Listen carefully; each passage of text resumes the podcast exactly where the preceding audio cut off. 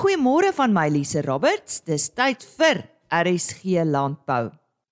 Ek het maandagooggend met Gerard Strydom van Mazel en Magaliesberg groep gesels oor hulle veiling van 30 September daar in die Rustenburg omgewing.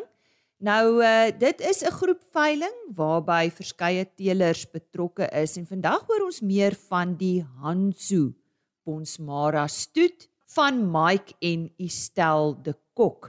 Hulle het ook 'n kuddebestuurder Pieter Haman. Mike, vertel ons eers van Hansu Bonsmaras. Goeiemôre luisteraars. Hansu Bonsmaras stoet is gestig deur Wyle Hansie Steyn, my skoonpa. Ons stoet is geleë in Ventersdorp distrik Noordwes. Die kudde is in 1979 geregistreer as 'n stoet waar verskeie toekenninge verwerf en later bekend geword het in Bosmara kringe vir die uitmuntende prestasie van die kudde. Slegs die beste teelmateriaal was goed genoeg vir die kudde. En dit kan duidelik gesien word deur nie net die kudde se teelwaardes nie, maar ook hoe die diere kondisie behou in moeilike tye. Die plaas het baie klip en suurweidings wat dit maklik sal maak vir die diere om aan te pas in nuwe areas. Nadat Dansie Steyn oorlede is, is die bestuur van die kudde oorgeneem deur sy dogter Estel wat met dieselfde liefde, passie en deursetting vermoë voortgaan met die kudde. Die kudde verwerf steeds toekenninge deur Stamboek. Die kuddebestuurder Pieter Haman vertel ons meer van hulle deelname aan die veiling op 30 September. Ons is bevoorreg om as gasverkoper op Mazel en Magaliesberg groep se jaarlikse Bonsmara veiling te wees. Die veiling is op plaas Leeupoort, Rustenburg area op Vrydag 30 September. Hanso bied die volgende diere aan. Twee top genetika stoetbulle. Hulle is lot 11 en lot 23. Albei bulle kan op verse gebruik word en dra nie die myostatin of dubbel bespieringskeen nie. As ook 50 stoetkoeie en kalvers. 35 koeie is dragtig bevestig en is dus 3 in 1. As ook 10 kommersiële dragtige verse. Mike onderstreep die waarde van hulle bulle. Ons Steyn het altyd gesê jy koop nie 'n bil as sy ma nie 'n goeie teelwaardes het nie. Kom ons kyk gou na die twee bulle. Lot 11 se ma en sy twee oumas se TKP's is onderskeidelik 385, 363 en 417 dae. Hulle speenindekse is onderskeidelik 102 oor 4 kalvers, 111 oor 4 kalvers en 106 oor 7 kalvers. Waar kan 'n mens nou beter kry as dit? Dis is dit nie net uitstekende fenotipiese bil nie, maar ook uitstekende ma en oumas. Lot 23 het 'n groeiwaarde van 121 en 'n karkaswaarde van 114. Sy ma en ouma se TKP was onderskeidelik 394 en 361 dae. Hy is fenotipiese 8 en 'n half punt. Die kwaliteit van die vroulike diere kan nie onderskat word nie. Kom ons hoor wat sê die kuddebestuurder Pieter hieroor. Soos meeste teelers weet, is speenwaarde en melkwaarde negatief gekorreleer. Hansobons Maras toet spog met hoë speen en melkwaardes. As ons net kyk na die gemiddelde van die 50 SP koeie wat op veiling aangebied word, is die gemiddelde speenwaarde 18 waar ras gemiddeld 13.9 is. Gemiddelde melkwaarde van hierdie 50 SP koeie is 6 waar ras gemiddeld 3.9 is. Die kudde se vrugbaarheid kan duidelik gesien word in ons kudde se TKP en ouderdom eerste kalf. Die gemiddelde TKP van die 50 SP koeie wat op die veiling aangebied word, is 406 dae en ouderdom eerste kalf is 30 maande. En nou vir 'n spesiale boodskap aan die teelers. Mike Ons kan nie genoeg beklemtoon dat kommersiële teelers ook gebruik kan maak van hierdie geleentheid om stoetkoeie te koop nie. Wanneer 'n kommersiële teeler 'n stoetdier koop, kan hy steeds kommersieel boer en is nie verplig om hierdie diere as stoet te hou nie. Hy bevorder net die genetika in sy kudde. Hierdie is soms 'n wanpersepsie wat ons graag wil regstel. Kommersiële en stoetteelers kan nou van hierdie geleentheid gebruik maak om hulle kuddes verder te verbeter en van hierdie Hanso genetika by hulle kuddes te voeg. Die stelde kok sluit af met verdere besonderhede, ook kontakbesonderhede en sy onderstreep dat die diere wel al besigtig kan word. Ons veilingdiere is reeds vervoer na Plaas Leeupoort en u is meer as welkom om die diere daar te kom besigtig. U is ook welkom om ons te volg op ons Facebook bladsy en ook Instagram of jy kan ons skakel. Mike se selfoonnommer is 082 524 9027. Pieter se selfoonnommer is 082 507 9386 en my selfoonnommer 082 524 9028. Ons wens elke luisteraar 'n geseënde dag toe. Kom geniet die dag saam met ons eerskomende Vrydag 30 September by Mazel en Magaliesberg groep se Bonsmara veiling plaas Leeupoort Rustenburg area. En so sê Estelde Kok van Hansu Bonsmaras en voor dit het ook haar man gesels Mike en hulle kuddebestuurder Pieter Haman. Ek gaan net een van daardie telefoonnommers herhaal en dit is van Estel de Kok 082 524 9028. Een van die uitstallings wat groot aandag getrek het tydens Nampo Kaap vanjaar was demonstrasies met 'n waterboor van raakwaterbore. Die twee direkteure van die maatskappy Altus Karstens en Dana Smit het elke dag aan besoekers volledige inligting oor die boor van water gegee en ook gedemonstreer presies hoe 'n waterboor werk wat honderde meter diep kan boor. Ons het met Altus Karstens gesels oor wat gedoen kan word om die risiko van 'n droë boorgat te verminder en die waterbron te beskerm. Van die faktore wat hy uitgewys het is 'n goeie verhouding tussen die boerman en die grondeienaar, akkurate aanwys van water, wat 'n boer nie moet doen as hy wil laat boor en die akkurate toets van die gat se waterlewering. Vir baie is die boor van ondergrondse water 'n dobbelspel wat seker tot 'n mate waar is, want die kans vir 'n droë gat is altyd daar. Hulle spog egter met 'n sukseskoers van 96%. Wat is nodig om die risiko van 'n droë gat te verminder? Altes Karstens verduidelik. So dan as ons by die waterwys kom, ons probeer maar 'n konsultasieproses volg om die boer te help en in te lig. Uh die boer bel vir my. Ek kom uit, ek kom op die ou tradisionele manier met die stokkie. Ek kom wys wys water en ek beveel aan vir die boer of of dit 'n um, 'n goeie plek is om te boor. Dan het ons ook nog ander maniere van van water wys. Ons uh kan ons het 'n geohidroloog wat vir ons kan help met die hotspots wat net kaartwerk kan doen of sy kan uitkom en sy kan vir die boer ook kom water wys teen in koste my en Dana se koste is ehm um, eintlik maar die boor van die van die punt. Ons vra nie geld om water te wys nie. Dis net as die geohidroloog betrokke raak wat ons geld vra. Tussen ons en die geohidroloog as ons die twee kombineer, het ons 'n uh, 96% plus suksesrate. Ek en Dana met die ou tradisionele manier van stokkie wys is ons ook bo 90% suksesrate. Hulle verhouding met die grondeienaar is baie belangrik om seker te maak die boorproses verloop sonder hakplekke.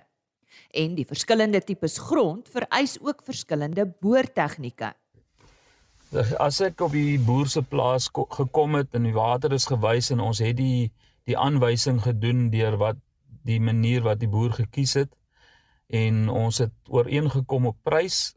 Um ons het 'n 'n 'n redelike paar verskillende prysstrukture.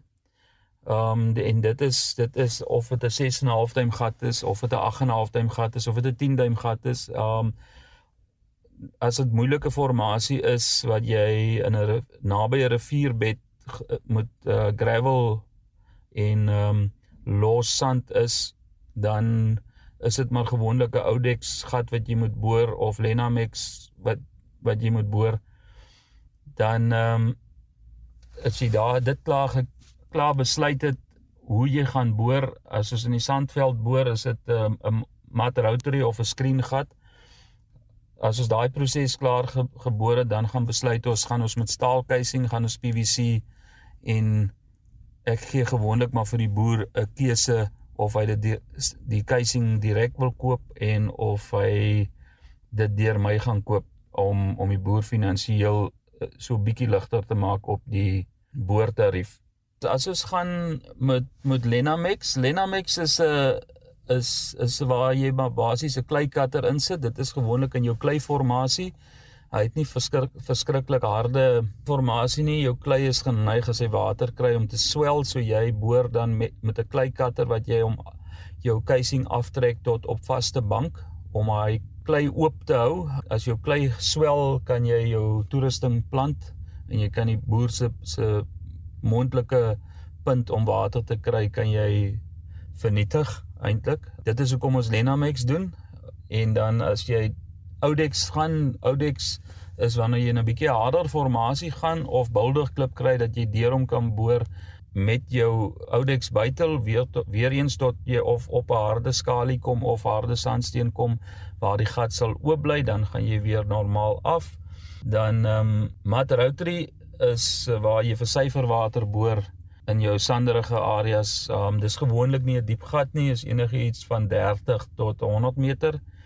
En ons sit 'n 'n skreen om tussen die wat in met 'n PVC casing wat jy 'n skreen omsit om die syferwater deur te laat kom dat die perforation nie kan kan blok nie. En dan jou gewone jou gewone manier 6 en 'n half duim buitel of 'n 8 duim te boor, dit is waar jy 'n maklike formasie het wat wat jou gat nie toeval nie dat jy kan boor die gat klaar boor en dan as die gat water het dan sit jy eers casing in. Hulle wys self die plek aan waar daar geboor word. Maar kan hulle 'n boer 'n aanduiding gee of die water vars of brak gaan wees en verskil dit van streek tot streek? Om water te wys is een ding, maar om om tussen brak en vars te probeer onderskei en let wel ek sê probeer dis nie so maklik nie. Ons ek doen dit ook maar op die ou tradisionele manier waar ek 'n 'n brons en 'n silwer munt gebruik voor aan die stokkie se kop om te onderskei. Brons draai op brakwater, silwer draai dit normaalweg maar op die ou varser breuke. Um as ek regtig moet in detail gaan, dan kan ek op jou plaas van verskillende gate, verskillende kwaliteit water in 'n botteltjie tap en dan kan ek min of meer vir jou sê die water gaan vergelyk met daai gat se water as die bottel daai kwaliteit botteltjie water op die breek val dan kry jy 'n idee op hoe jou gate is. 'n uh, Area vertel 'n mens baie van wat dit is as jou area tradisioneel brak is, sal jy brakwater kry. Daar is 'n moontlikheid vir varser water, dit hang net af hoe diep jy boor en of dit finansiëel die moeite werd is om jou brakwater af te keis tot jy by die varswater kom. Die brakke gaan gaan ek jou redelik seker kan sê ek gaan vir jou varser kan kry as daai water, maar dit gaan dit gaan nie altyd 100% vars wees nie. Ons in Vryselburg, Merwewil, daai areas in die Karoo is dit is dit makliker om tussen die brak en die vars te onderskei. Ons het 'n goeie reputasie daar vir, vir varswater wys. Oorweg is 'n bietjie moeiliker. Um, dan het ek in Klein Willem daar rondom die dorp, daai skalies is bitter moeilik. Uh jy het verskillende rigtings waar jy jou vars en jou brakbreuke kom. As jy daai die die brakbreuke kan vermy en jy kan net die vars breuke wys, dan kry jy redelik suksesvol varswater. Volgens Altus kan onkundige boormanne 'n omgewing se varswater met brakwater besoedel. Wat moet 'n boorman doen om dit te voorkom? Ja, ehm um, as as as 'n ou boor en jy's in 'n in 'n brak area, ehm um, en en die waterwyser wys vir jou en sê vir jou maar jy het 'n moontlikheid vir vars, is dit altyd goed om 'n EC meter byderhand te hê dat jy terwyl jy boor jou waterkwaliteit kan toets? Normaalweg as die waterwysel sy sout werd is, gaan ek vir jou kan sê, um hy voel die eerste 3 of 4 breuke is brak, um en dan daarvan af vars, dan as jy dan deur daai breuke geboor het, kan jy dit met 'n PVC casing afkeis en daai water afsny, dat jou boonste water nie meng met jou onderste varswaterbron nie. Dit is maar 'n eenvoudige manier van stel is 'n 'n breek onder die grond is maar dieselfde. Hy vloei vloei in 'n rigting soos 'n rivier. 'n Rivier het altyd 'n harde bank wat wat van stadig lopend gaan na tot waar hy teen 'n ander vaste bank kom wat uh wat gewoonlik jou diepkant van die rivier is. As jy 'n rivier kry wat nie teen 'n 'n koppie omloop waar hy ge, geblok word nie, dan kry jy maar net 'n vlak stroom wat loop. Maar jy wil so graag as moontlik binne in daai dieper vinnig vloeiende water wees. Dit is gewoonlik ook jou varser water, jou soutte word en jou minerale word maar meer na die kant toe uitgestoot. So dis 'n baie eenvoudige manier van van stel en jy wil graag as jy deur jou breuke boor, wil jy graag jou jou brak en jou vars probeer eenkant hou laat anders dan kan jy 'n hele area se ondergrondse water besoedel as jy jou brakwater nie afkeis nie. Hulle kom al 'n lang pad in die boerbedryf en het al baie ondervinding opgedoen. Maak boere ook foute? Ja, as ek moet sê die foute wat die wat die boer maak, ek hoop die boere is my kwaad daaroor, maar maar in my in my opinie is dit um hulle die eerste fout wat hulle maak is hulle spring te veel rond tussen waterwysers. Kry vir jou 'n waterwyser wat jou plaas ken, wat die omgewing ken en hou by hom. Ja, hy gaan af en toe vir jou droë gat wys. Hy gaan 'n fout maak. Almal maak foute. Maar dit is maar moeilik om onder die grond te sien of dit 'n 'n geohidroloog is en of dit 'n stokkiewyser soos ek is. Kry vir jou iemand wie jy vertrou en hou by hom. As jy wil 'n tweede opinie, maar as 3 en 4 en 5 bymekaar kom, gaan hy die boer deurmekaar maak. Die ander foute wat wat baie boere maak is hulle bespaar op die waterwyser om 'n 100 000 rand se gat te boor en vat die kans om droog te boor dan as die gat geboor is en uit water luister hy na die boorman en die boorman sê vir hom daar is 20000 liter per uur in die gat hy sit 'n 20000 liter per uur pomp in en hy pomp die gat droog en hy beskadig sy belegging so kry vir jou 'n erkende uh, maatskappy wat vir jou die gat kan toets.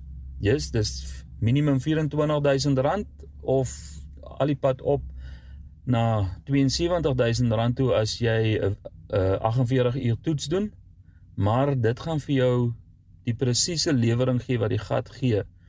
Dan sit jy jou pomp in en jy pomp volgens regulasies en jou gat gaan jou leeftyd hou. So normaalweg as dit 'n produksiegat is, is is dit maar enigiets tussen 250 en 500 000 rand. So ek weet van baie boere wat 'n groot pomp in hulle gate gesit het en hulle pomp 'n jaar die gat as die gat droog. En om dan daai belegging te doen is net op 'n boerman se sê is dan dis een van die grootste foute. Die akkurate toets van 'n boorgat se waterlewering is belangrik om seker te maak jy beskerm jou waterbron en dis jou belegging in die boor van die gat en die aankoop van besproeiingstoerusting. Is daar 'n ideale toets om jou waterbron te beskerm en wat is die voordele daarvan? Ja, as as ons as ons praat van 'n ordentlike toets, ehm um, is is 'n is 'n 5 dag toets is eintlik jou beste toets om te doen want jy moet jy moet jou gat jy moet step drawdown moet jy hom leeg pomp tot by jou pomp en dan moet jy hom 'n constant discharge doen. Dit is waar jy die gat bring tot waar die watervlak 20 meter of 10 meter bokant jou pomp konstant bly. Dit is wat wat jou konstante vloei dan van jou gat is. Um dan weet jy presies watter grootte pomp jy moet gebruik om jou watervlak bokant jou pomp te hou dat jy nie jou gat leeg suig nie. En dan daarna moet jy 'n recovery doen waar jy stelselmatig jou pomp afsit of jou vloei van jou pomp stadiger maak dat jy kan sien hoe hoe vinnig jou gat recover en hoe lank jou gat vat om weer tot op sy volvlak te kom. En dit dit alles bepaal dan wat vir die bes, jou besproeiingsingenieur sê watter grootte pomp jy moet gebruik en hoe lank jy op gat of jy hom 24 uur kan pomp of jy hom 12 ure kan pomp en of jy 3 ure af en 3 ure aan kan pomp, maar dan gaan hy jou vloei vir jou kan uitwerk en sê presies wat jy moet doen.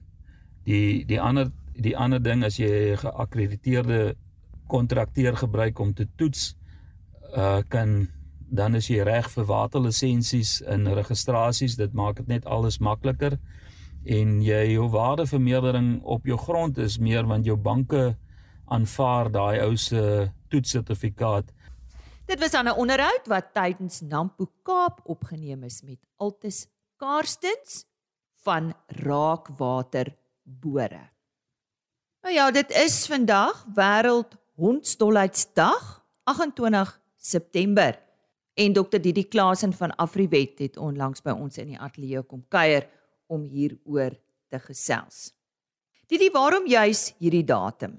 So die 28ste September is die herdenking van Louis Pasteur se dood. Dit klink baie morbied, maar hy het die enstof, um, hy en sy span het die enstof vir hondstolheid ontwikkel um, in die vorige eeu en hulle wil hom net eer gegee het en sy verjaarsdag was klaar gevat want die ou het baie goed ontwikkel en toe het hulle nou sy sterfdatum gevat om wêreld hondstolheiddag of net um, klem te lê op die siekte.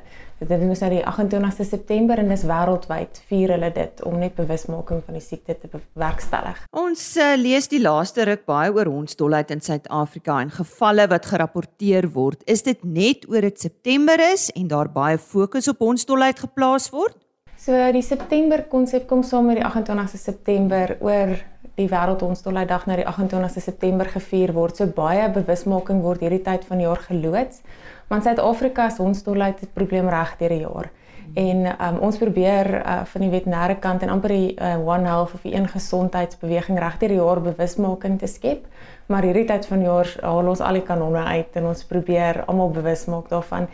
En ehm um, dit is reg deur die jare probleem. Hierdie jaar is dit een van die slegste jare wat ons nog gehad het. Laas jaar was ons so net oor die 300 amper 400 hondstolheid gevalle gerapporteer en hierdie jaar staan ons al op 801. Dis die laaste syfer wat ek hierdie uh, hierdie week gehoor het. En die mensgetalle staan op 15. So 15 mense is dood aan hondsdolheid en dis uh, dis weer eens dit wat gerapporteer word. Want ek weet baie keer sy op 'n plaas kom en dan praat ons met die boere oor hondsdolheid en sê o ja, hulle het nou reg jakkals gehad, maar hulle het ons sommer begrawe. En hulle verwittig nie die mense daarvan nie en waar jy 'n jakkals of 'n hond het wat dood is aan hondsdolheid, um, is daar ander diere wat ook moontlik blootgestel is? En as ons nie weet daarvan nie dan kan ons nie ondersoek instel en die nodige blokentings doen nie. Um, van die staat se kant af en dan van die private sektor se kant af nie. So mens moet rapporteer maar dit wat gerapporteer word is dis regtig erg So wat is die huidige situasie in Suid-Afrika en watter areas en diere word geaffekteer en moet ons bekommerd wees? Ehm um, ek sal sê ons moet bekommerd wees veral as jy in die oostelike dele van Suid-Afrika bly. Ons het uh, die groot provinsies wat almal altyd van weet, dit was altyd KwaZulu-Natal. Almal was altyd bekommerd oor KwaZulu-Natal en ons dolheid. En nou die Oos-Kaap, ehm um, Nelson Mandela Bay, ehm um, Buffelstad is groot probleme daar. Ehm um, dis wel meerderheid van die monsters waarvan ek gepraat het vandaan kom die 801 gevalle. Ehm um, is maar Oos-Kaap en ehm um, KwaZulu-Natal en ook waar meeste van die mense doodgaan. Onthou waar daar hondstolheid in die diere veral in honde gesien word, volg mensgevalle. En dit is dit is ons kommer, kom ons bewusmaking wil maak dat as ons die hondstolheid kan beheer by die diere, dan voorkom ons die menssterftes. En um, so dis KwaZulu-Natal, Oos-Kaap en dan dele van die Vrystaat veral op die Lesotho grens sien ons baie gevalle en dan Limpopo provinsie en Mpumalanga. Laas jaar het ons 'n ratel gehad wat positief was vir ons dolheid wat gekoppel is aan 'n jakkals uitbreek in Wildersdrift area en daar is mense gebyt. Gelukkig is niemand dood aan ons dolheid nie. Ehm um, tragies is een vrou oorlede, maar dit was ehm um, van skok van die aanval van die ratel. Maar uh, dit is 'n probleem en waar ons die meeste bekommerd is, is mense gaan nou vakansie, veral nou Desember maand en Natal en in die Oos-Kaap. Dit is mooi daar, dit is lekker, dit is by die see.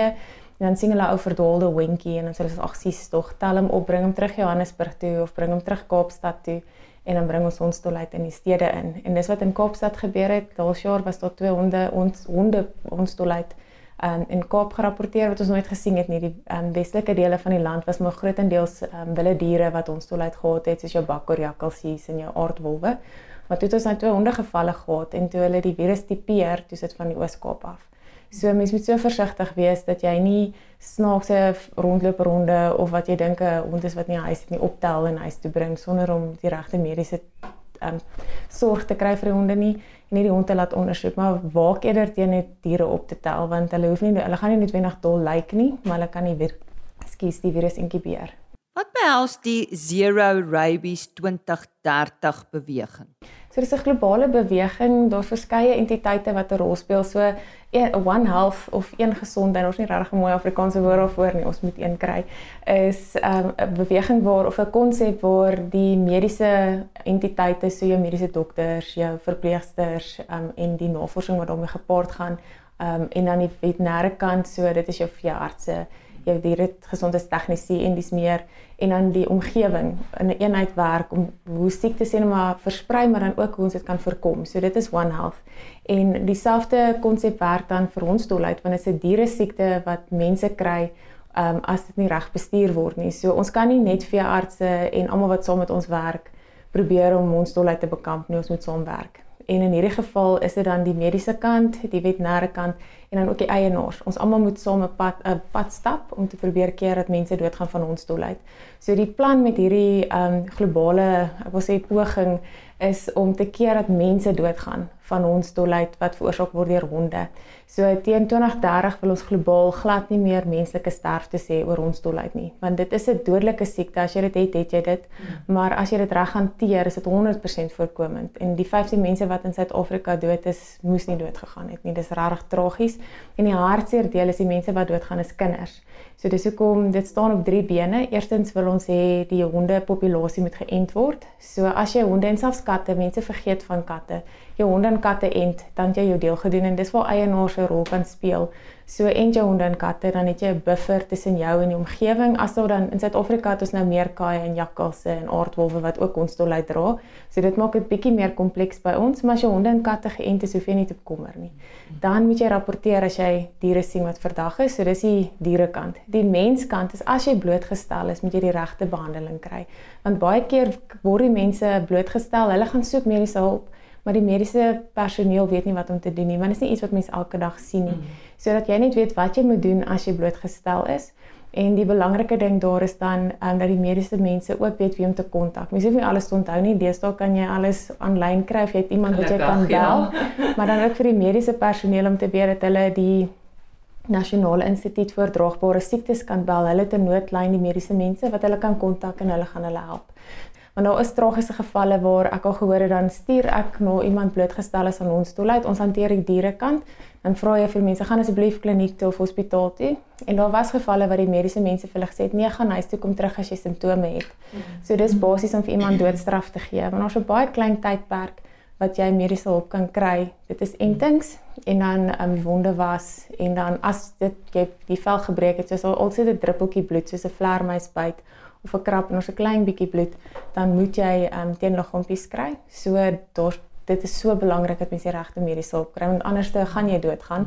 Jy gaan nie dadelik siek voel nie, maar in die tydperk wat dit nou vat vir die virus om by jou brein te kom, as dit eers in jou brein is, dan dis ongelukkig verby. Wie moet mens kontak as jy nou 'n dol dier teekom? So die belangrikste ding is dan om jou staatsveearts te kontak baie dorpe het nie 'n staatsveearts nie, maar hulle sê net maar 'n DGT, die gesondheidstegnikus, met 'n lyn na jou staatsveearts toe dat hulle dan kan kom kyk. As jy regtig niemand het nie, mens kan tot die welsynsorganisasies soos die DBV doen verskriklike goeie werk. Uh, moet verkieslik nie die hond of die dier nader nie, maar hou 'n oog op hom. Indien dit nou gebeur dat die dier kontak met jou maak of as hulle jou aanval en dis meer gaan soek mediese hulp ook. So hê ook 'n noodnommer wie jy kan kontak as jy blootgestel is. Belangrikste ding wat jy by die huis kan doen is om 'n wond te was met seep en water vir ten minste 10 minute. Dit klink nou simpel 10 minute. Ek, ek weet met die hele COVID situasie was 20 sekondes as jy nou 1 2. Dit ja. voel verskriklik lank. 10 minute is baie lank. Ek het een keer rondstolheid virus oor my hande gehad. Dit was gemors. En toe moes ek vir 10 minute daar staan en was. Dis lank, maar hou vir daai 10 minute aan die gang want jy wil daai virus verdun voordat dit in jou senuweestelsel kom. Goeie raad vanaf Dr Didi Klasen van Afriwet. Vandag, 28 September, is wêreld hondstolheidsdag. Wees op die uitkyk en wees versigtig. Dis dan vandag se RSC Landbou. Geniet die res van jou dag. Totsiens. RSC Landbou is 'n plaas media produksie met regisseur en aanbieder Lize Roberts en tegniese ondersteuning deur Jolande Rooi.